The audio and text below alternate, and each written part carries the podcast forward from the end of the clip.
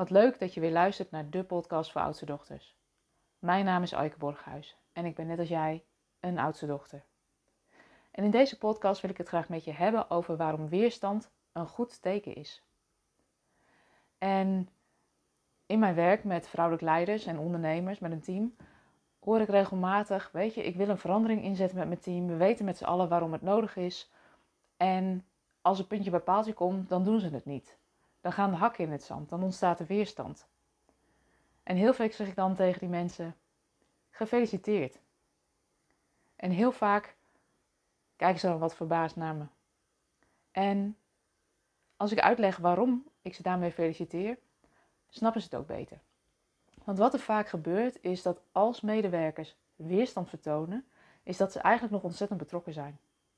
Ze zijn nog ontzettend betrokken en vaak dreigt er iets verloren te gaan in de verandering wat gezien wil worden, wat ingesloten wil worden.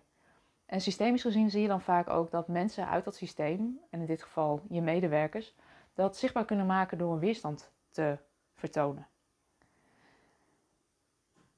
De vraag is dan alleen wel, als je die weerstand merkt, dan kun je allerlei technieken gaan toepassen die in die bovenstroom werken, dus interventies doen op het gedrag. Maar als dat niet de oorzaak is, dan zul je wat anders moeten doen. En daarom ben ik ook zo blij met het opstellingenwerk en ook de organisatieopstellingen die ik begeleid, omdat het heel vaak een ander perspectief geeft op de situatie waar je eerst nog middenin zit.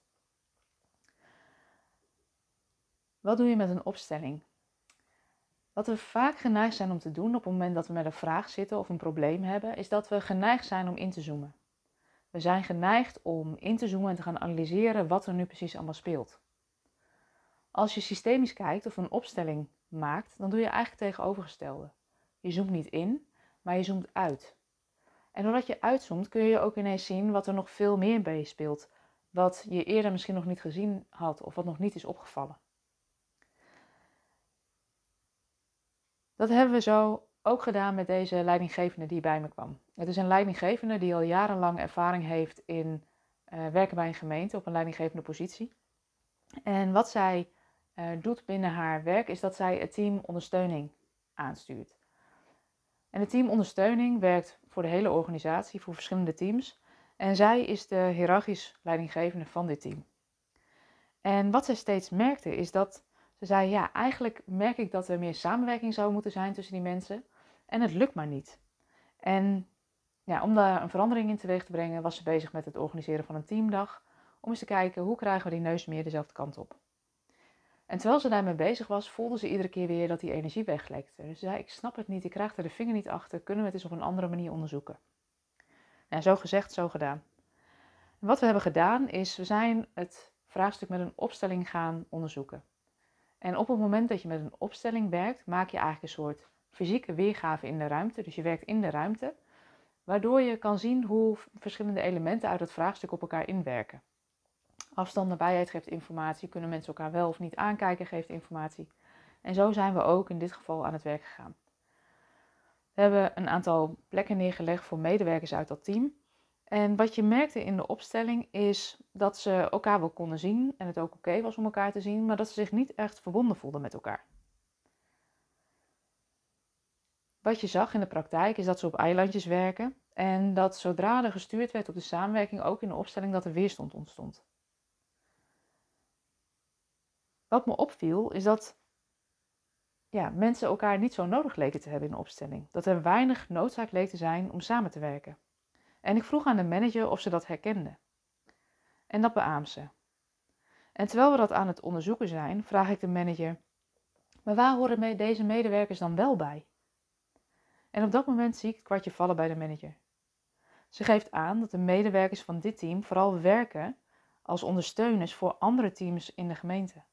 En dat ze zich vaak meer verbonden voelen met de teams waar ze voor werken dan met het team ondersteuning waar ze organisatorisch onderdeel van uitmaken.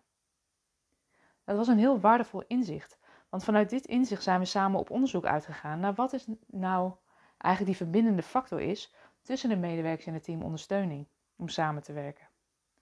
En in haar geval bleek dat de vakinhoud te zijn. En vanuit dat inzicht is ze dus niet die teamdag gaan uh, organiseren vanuit de insteek dat er beter samengewerkt moest worden, maar veel meer vanuit de insteek dat de inhoud van het werk leidend was. minder gericht op de onderlinge samenwerking en meer gericht op de verbinding van de medewerkers op inhoud. Naast het inzicht van hoe ze die teamdag kon aanvliegen, gaf haar dat ook inzicht van weet je, wat vraagt dit voor mij nu verder voor de aansturing van dat team? En zo zie je dat een opstelling van, ik denk nog geen uur, echt wel inzicht of informatie kan geven. De belangrijkste rode draad uit dit verhaal is: ervaar je weerstand bij je medewerkers in het team. Weet dat dat een goed teken is, want ze zijn betrokken. En heel vaak raakt er een onderdeel uit beeld waar ze zich mee verbonden voelen, of voelen ze zich meer verbonden met een ander onderdeel. En als je dat weet, dan kun je daar ja, uh, je manier waarop je leiding geeft of waarop je uh, stuurt op aanpassen. Dus wat je zou kunnen doen is kijken van hé, hey, waar in de samenwerkingen um, die je kent, ervaar je zelf weerstand. Misschien bij jezelf, misschien bij de mensen met wie je werkt. En onderzoek het eens. Als je eens wat meer uitzoomt. Met wie zijn mensen meer of minder verbonden? Met welke onderdelen zijn mensen meer of minder verbonden? En weet dat dat vaak al nieuwe inzichten geeft als je op die manier kan kijken. Dat was het voor vandaag. Mocht je, mocht je deze podcast nou interessant vinden, abonneer je dan eventjes. Dan krijg je een berichtje als er een nieuwe aflevering online staat. Heb je naar aanleiding van deze podcast nog vragen? Stuur me dan gerust even een berichtje. Dat kun je doen via de website www.oudstedochter.com. En wie weet beantwoord ik jouw vraag wel in een volgende podcast. Voor nu wens ik je een hele fijne dag.